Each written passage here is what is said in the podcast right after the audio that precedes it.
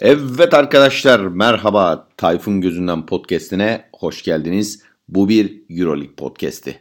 Evet bu podcast'te bir süredir ara verdiğimiz bu podcast'lerde Eurolig'in 27 ve 28. haftasını yani çift maç haftasını kısaca değerlendireceğiz. Tabii ki temsilcilerimiz özelinde bu hafta özellikle Anadolu Efes ve Fenerbahçe Beko açısından harika geçti. Ben valla çok uzun süredir hatırlamıyorum. Belki de hiç hatırlamıyorum. Yani bir çift maç haftasında her iki takımımızın da ikişer maçında kazanıp 4'te 4 yaptığı bir hafta hatırlamıyorum. Gerçekten güzel bir haftayı geride bıraktık. Hadi gelin bir şöyle detaylandıralım neler olmuş neler bitmiş bir konuşalım. Şimdi haftaya e, bu çift maç haftasına başlarken neler oldu bunları temsilcilerimiz üzerinde anlatmadan önce e, isterseniz şöyle size yine her zaman yaptığım gibi bir haftanın sonuçlarını bir okuyayım. E, en azından aklımızda kalsın neler olmuş neler bitmiş. Önce 27. haftayı yani haftanın ilk yarısını okuyorum. E, sonuçlar şöyleydi. Zenit 87, Alba Berlin 71, Kimki Moskova 78, Real Madrid 77. Bu maç inanılmaz bir maçtı. Detaylarına gireceğiz zaten. Anadolu Efes 99, Valencia Basket 83, Zagris Kaunas 85, Asvel 75, Panathinaikos 77, Barcelona 85, Maccabi Pleitika Tel Aviv 80, CSK Moskova 84, Kızıl Yıldız 76, Bayern Münih 78. Yine Bayern Münih çekirge gibi sıçradı bir maçta da kazayı e, kazaya uğramaktan son anda kurtuldu.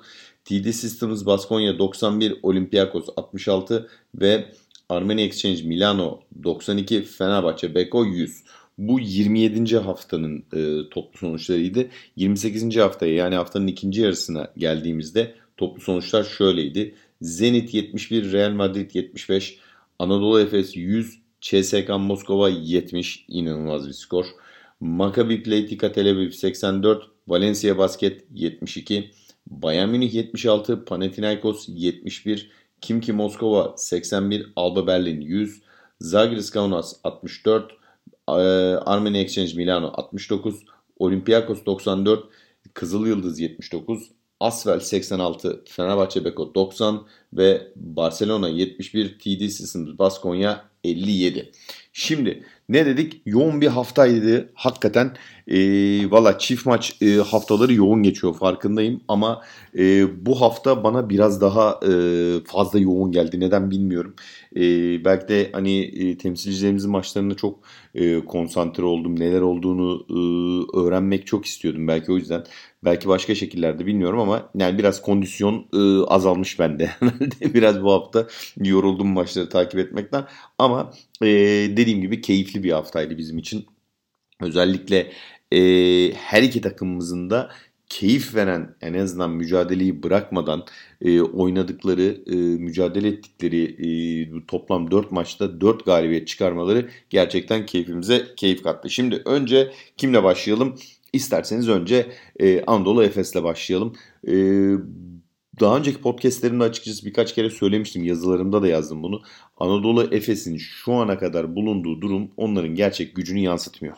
Yani geçen sezon o yarıda kalan sezonu hatırlayın bir makine düzeniyle çalışan bir Anadolu Efes vardı Sean Larkin'in önderliğinde. Bu sezon sadece Sean Larkin değil Aynı zamanda diğer oyuncuların da daha fazla devreye girmesiyle beraber Efes daha bir komple takım görüntüsü vermeye başladı. Ne zaman başladı? Geçen hafta e, işte o e, Fenerbahçe Beko'yu e, farklı yendikleri maçla bu iyice e, gün yüzüne çıktı. O geçen seneki e, Efes'ten e, bayağı ciddi esintiler sunmaya başladılar. Dediğim gibi fark sadece Shane Larkin değil Shane Larkin'le beraber diğer takımdaki bütün oyuncuların mesela bir Sertaç Şanlı'nın da ve diğer o dört e, diğer takımların imrenerek baktığı kısa rotasyondaki işte e, Simon olsun e, işte şey e, ne derler Mitsic olsun e, Rodrik Bobo olsun e, hatta hatta James Anderson olsun e, bunların da katkılarıyla e, müthiş bir hafta geçirmeye müthiş bir ivme yakalamaya başladığını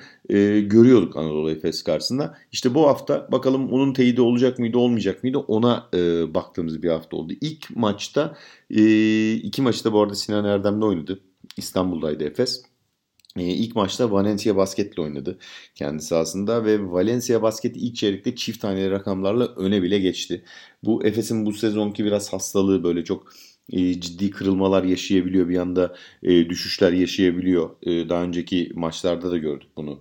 E, çift tane rakamlarla böyle bir anda maçın başında e, yenik duruma düşüp daha sonra toparladığını.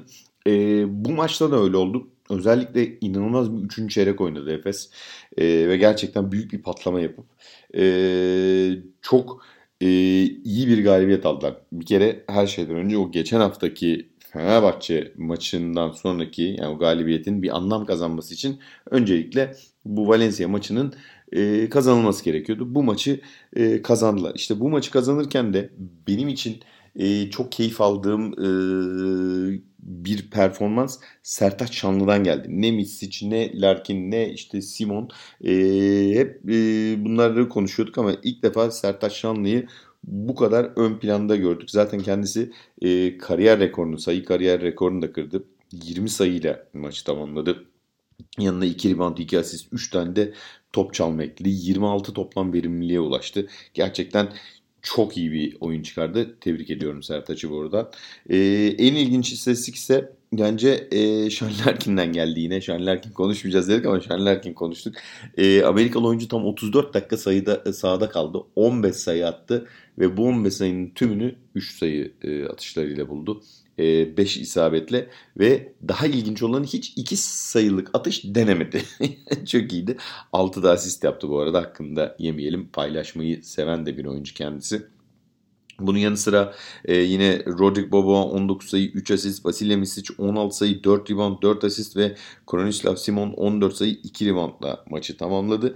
Dediğim gibi bu 4 e, topa yön veren kısa oyuncunun aynı anda iyi olduğu bir dönemde bir de üstüne Sertaç Şanlı'nın da performansını, ekstra performansını da ekleyince zaten Efes durdurulamaz bir güç haline dönüşüyor. E, yani Valencia'nın da onların karşısında durması zaten e, pek olası değildi. E, işte biraz e, rekabet etmeye çalıştılar ama 3. çeyrekte e, hele hele o son 3. çeyrek sonunda Göster Taşanlı'nın buzzer e, beater üçlüğüyle e, iyice yelkenleri suya indirmişlerdi zaten. Ha bu arada şöyle ilginç bir istatistik var. E, Anadolu Efes toplam 18 3 sayı isabeti bulmuş bu maçta. Bu da onların kulüp rekoruymuş. E, bu anlamda da kendilerini tebrik edelim. Bravo diyelim. Valencia Basket ne yaptı derseniz Valencia Basket'te e, Dubljevic 15 sayı 6 rebound 3 asist ile o geçen haftaki e, kıpırdanma emarelerini bu maça da e, taşıdı. E, daha iyi oynamaya, daha etkili oynamaya e, devam ediyor Karadağlı oyuncu. Mike Toby 12 sayı attı, Prepelic 13 sayı attı e, ve geçen hafta yine iyi e, sinyaller veren Derek Williams'a yine 13 sayı bularak e, yükselişini bir anlamda, rakamsal anlamda yükselişini sürdürdü ama Tabii bu onların maçı kazanmasına yetmedi. İyi de oldu. İyi ki de yetmemiş. Ee, Anadolu Efes haftanın ikinci yarısına geldiğimizde ise e, daha ilginç bir, daha zorlu bir e, rakiple karşılaştı. Yine Sinan Erdem de CSK Moskova'ya ağırladı. İlk maçta biliyorsunuz onur kırıcı bir yenilgi almışlardı Rusya'da. Sezonun ilk yarısında 36 sayı fark yemişlerdi. E, gerçekten çaresiz e, kalmıştı Ergin Ataman'da.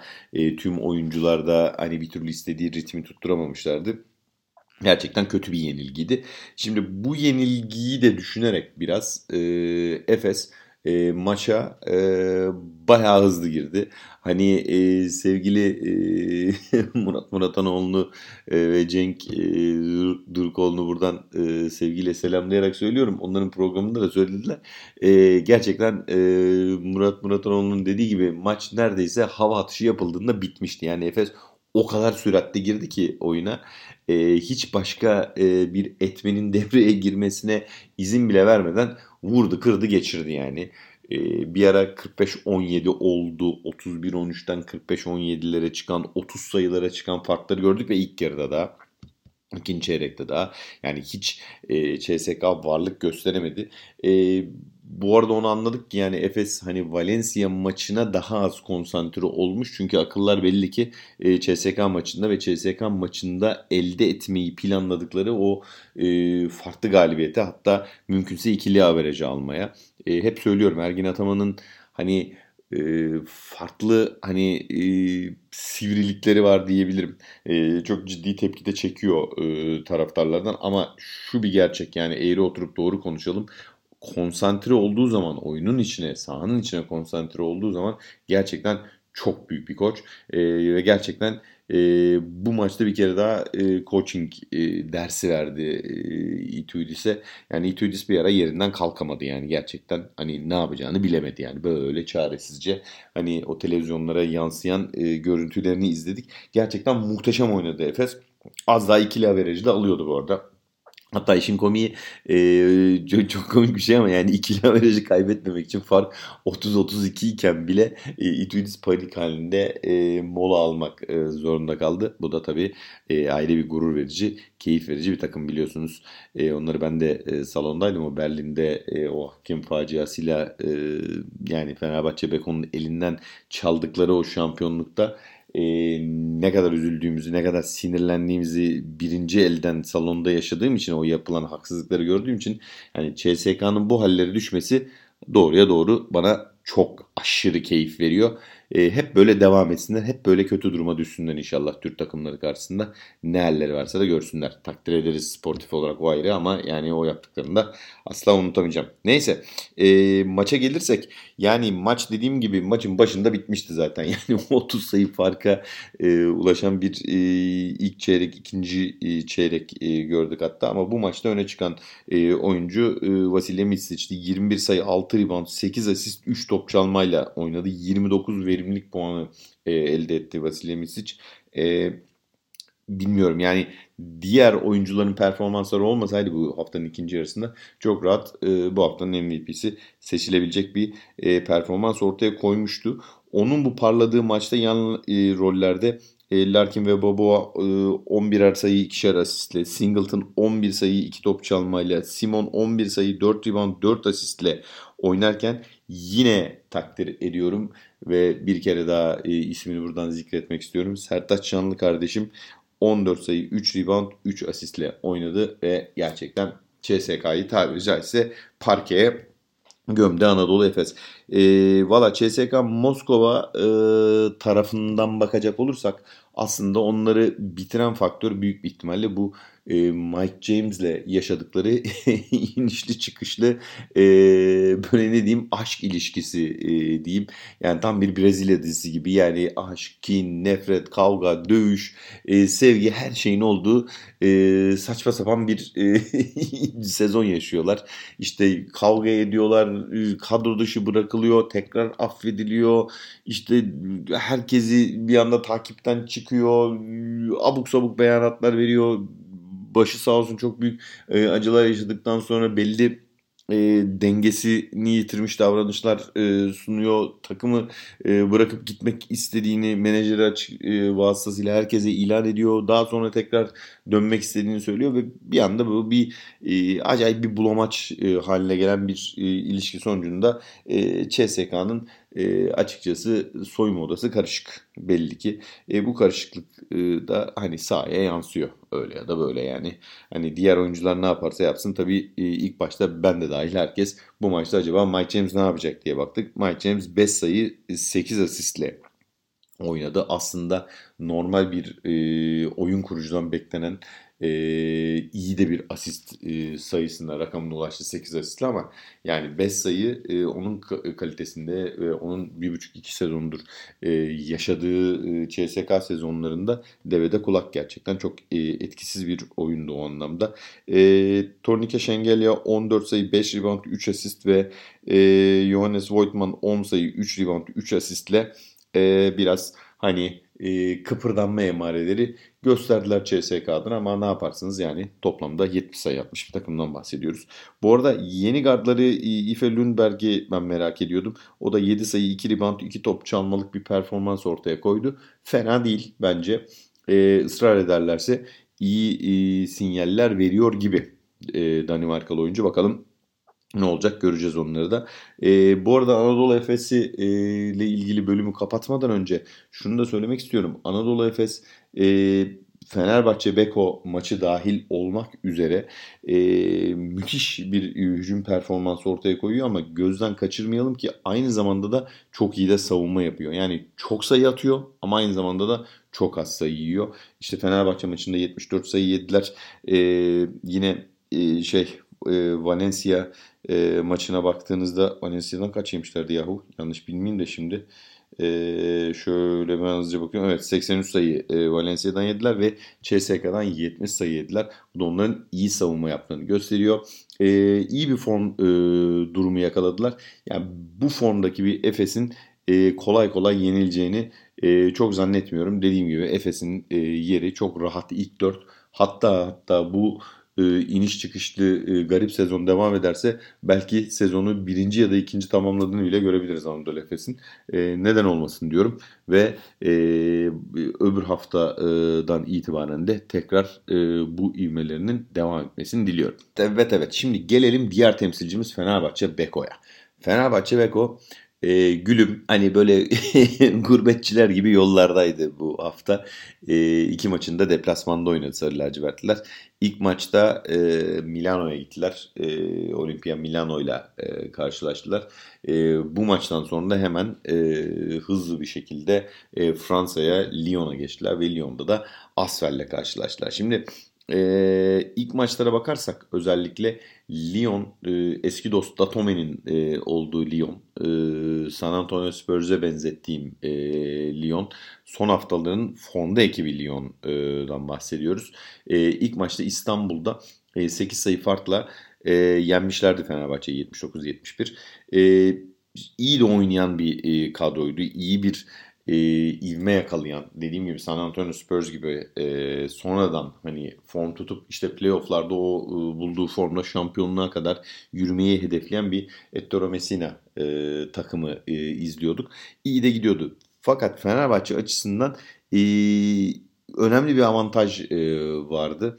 E, birincisi Malcolm Delaney'nin e, ikincisi de tabii Zach e, Lidey'in e, bu maçta süre almamaları Fenerbahçe Beko açısından büyük bir avantaj oldu esasında baktığınızda.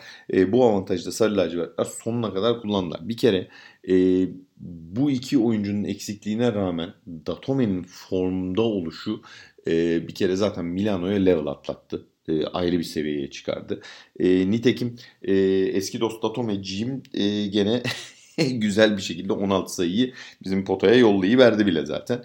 E, şimdi bu e, rakibe karşı bir kere e, şunu biliyorduk. E, Milano e, iyi top çeviren ve çok çabuk e, sayı bulan, yüksek skorlar e, atabilen bir takım haline dönüştü son haftalarda. E, dolayısıyla e, maçın biraz daha yüksek skorlu olacağı belliydi. Bizim şimdi iki strateji vardı. Ya savunmayı sıklaştıracaktınız e, Fenerbahçe Beko olarak az sayı atmasına e, çalışıp Milano'nun bu e, sayı üzerinden hani e, rakibinizi yenmeye çalışacaktınız ya da e, kendinize güvenip işte onlar kadar sayı atıp işte biraz da savunmayı normal bir pozisyonda tutup e, maçı e, o şekilde kazanmayı yani bir nevi NBA vari bir e, maç gibi. Nitekim e, iki koçun da böyle NBA kökenli e, dönemlerde ol, e, NBA son dönemlerinde NBA'de geçirdiklerini varsayarsak tam anlamıyla bir NBA maçı oldu. Yani böyle koş koş at işte sen sayı at ben daha fazla hücum kullanayım ben daha fazla top kullanayım derken bir anda yüzlü rakamlara e, ulaştı bile e, Fenerbahçe Beko. İşte 92'de sayı yedi gerçi ama e, güzel bir maç e, oynadılar. Hiç e, geri adım atmadılar. E, yani 3 sayı yedilerse 3 sayıyla karşılık verdiler. İşte e, basket faal e, aldılarsa enman aldılarsa karşında bir enman buldular hemen.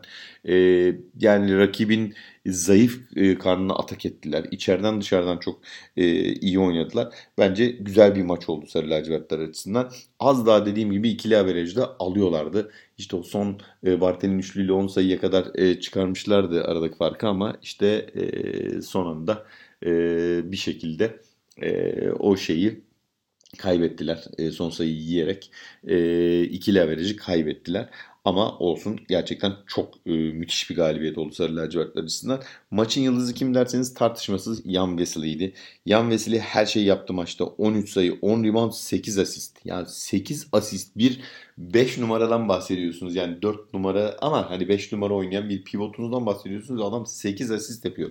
Yani guard'dan alacağınız asist katkısını Wesley'den aldık.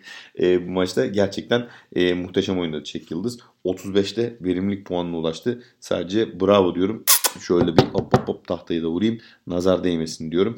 E, Nanda, Nanda De Colo 20 sayı 3 rebound 4 asistle kendisine eşlik etti. Marco Guduric biraz zorlansa da ikinci yarıda özellikle e, açıldı ve 15 sayı 4 rebound e, bir performans sergiledi. Lorenzo Brown da 18 sayı 4 asistle e, kendisinden en azından benim beklediğimden çok daha büyük oynadı. Helal sana diyorum Lorenzo Brown. O böyle oynayınca zaten gerçekten güzel rahatlayan bir Fenerbahçe gördük. E, karşısında da zaten Kevin Panther vardı geçen sezonki hani Kızıl Yıldız'dan takım arkadaşı. Belki onunla biraz böyle birebir atışmak istemiş olabilir. Ama sebep ne olursa olsun böyle devam et Zo diyoruz. Aslanımsın sen Zo Brown diyorum. Başka bir şey demiyorum.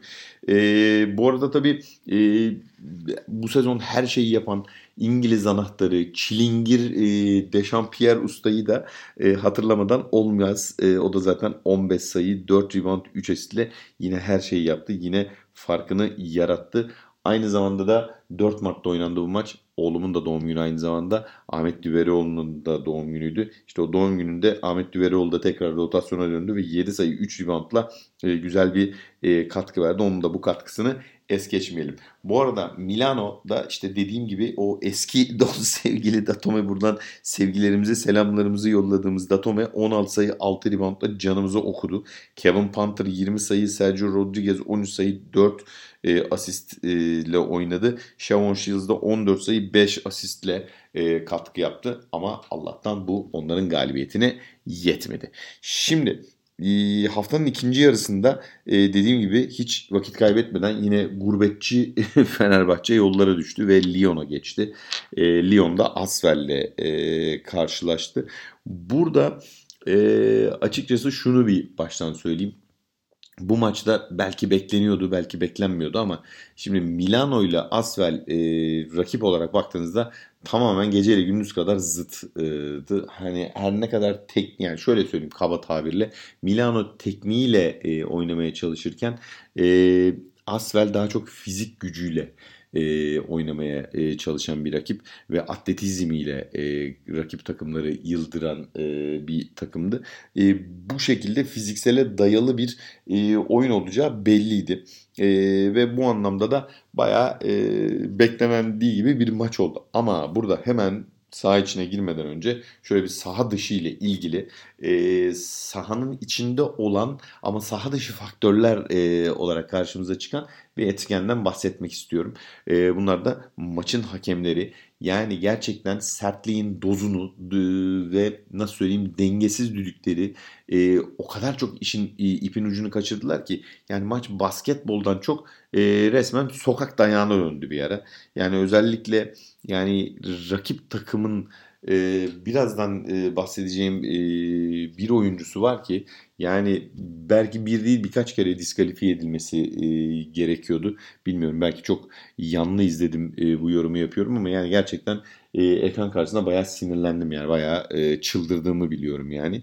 E, gerçekten çok net görüldü ki bırakın sert oynamayı e, sert oynama sonucunda çalınması gereken kasti faalleri bazı pozisyonlarda rakip oyuncunun direkt diskalifiye edilmesini gerektirecek e, kadar e, böyle bilerek e, kasti faaller yapıldı. Yani bu çok e, gerçekten e, büyük bir sıkıntıydı. Ama şöyle bir güzelliği var.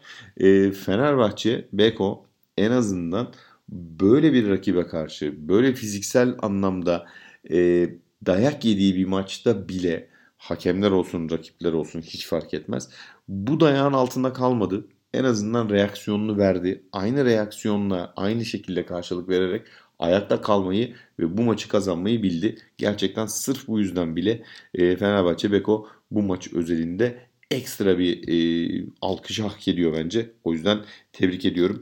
O bahsettiğim oyuncu da e, Asfel'deki İsmail Bako. Yani gerçekten kendisine ne diyeceğimi bilemiyorum. Yani beyefendi sahaya e, beyefendi demeyeyim ama yani sen diyeceğim artık ona. Sen sahaya basketbol oynamaya bile çıkmamışsın kardeşim belli ki. Ya bu maçta çok net bir şekilde sen basketbolu unutmuşsun.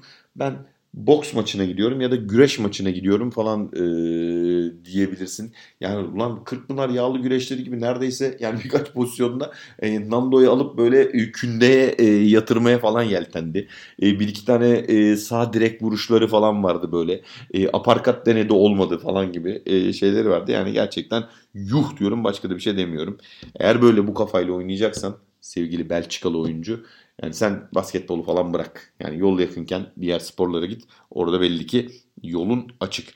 Bu arada hakem üçlüsüne de yani bu dengesiz kararları veren e, hakem üçlüsüne de e, gerçekten ayrı bir parantez açmak lazım. Yani Boltzuver, Hordov ve Baumanis hakem üçlüsü yani özellikle isimlerini zikretmek istiyorum. Böyle yöneterek Euroleague'de ya da herhangi bir basketbol organizasyonunda FIBA, Eurocup neresi olursa olsun e, kesinlikle kariyer yapamazsınız. Yani e, tahminen bunlar da bu hakem üçlüse spor dallarını karıştırdılar herhalde. Yani boks ya da güreş müsabakası yönetmeye geldiklerini zannettiler diye düşünüyorum. Ve bu konuyu burada kapatıyorum. Hemen e, sağ içine dönelim ve e, negatif enerjimizi de atmış olalım. Ne dedik? Fenerbahçe ve bu kadar rezalet yönetime rağmen çok haklı ve harika bir galibiyet aldı. Bu defa başrol kimdeydi? Fransız oyuncu Nando De Colo. İşte ne demişler Fransızın hakkından Fransız gelir diye. İşte sevgili e, Nando bu konuda e, çok iyi bir maç çıkararak 24 sayı 4 rebound 6 asistle e, oynayarak gerçekten Asvel karşısında Fenerbahçe Beko'nun parlayan yıldızı oldu. Ona eşlik eden oyuncular Marco Guduric'ti. 13 sayıyla Jan Vesely 9 e, sayı 4 rebound 3 asist yaptı. Ve yine Dechampierre 13 sayıyla yine Çilingir e, Deşan Usta yine şeydeydi e, görev başındaydı diyeyim. Ama Fenerbahçe Beko açısından özellikle bu fiziksel anlamda e, sıkıntılı geçen e, maçta e, en büyük kazanım e, herhalde Kylo Quinn'in e, performansıydı. 11 sayı 4 rebound 2 asistle e, oynayarak hani bir duvar gibi e, içeriden özellikle oynamaya çalışan o e, Asfel uzunlarına başta Mustafa Fol olmak üzere, İsmail Bak olmak üzere bir duvar gibi durdu önlerine helal olsun diyorum. Asfel'e e, gelirsek boks maçından fırsat buldukları e, da e, İsmail Bako 14 sayı 5 reboundla oynadı. Norris Cole 14 sayı 4 asistle etkili oldular. David Lighty 15 sayı, William Howard 12 sayı ve Yabusale de 10 sayıyla eşlik etmeye çalıştılar onlara. Fakat Allah'tan bu da onların galibiyeti için yeterli olmadı. Ve bu arada Fenerbahçe Beko'da bu zorlu gurbet yollarından iki deplasmandan da e, iki galibiyetle dönerek e, bu haftayı oldukça karlı kapattı. Bunu da söylemek lazım. Şimdi haftanın e, tabii bir sürü e, temsilcilerimiz dışında da e, farklı e, maçları oldu. Farklı e, nasıl söyleyeyim e, rekorlar da geldi. Bunlara da hemen kısaca e, değinelim fazla da uzatmadan bu podcast'i de böylece sonlandırmış olalım. Öncelikle bence e, yazısında yazdığım için e, anlatmak istediğim e, bir maç var. O da e, Rusya'da daha doğrusu Moskova'nın böyle bir 80 kilometre dışında e, Kimki bölgesinde oynanan Kimki Moskova Real Madrid maçıydı. E, biliyorsunuz Kimki bu sene rezalet bir performans ortaya koyuyor. Sadece iki galibiyetleri vardı. E, yanılmıyorsam e, 17 maçtır da yeniliyorlardı. Ya 17 ya 16 maçtır da yeniliyorlardı. Ee, ve karşılarındaki rakip de Real Madrid. Hiç yabana atılacak bir rakip değil. İlk dördün en kuvvetli adayı.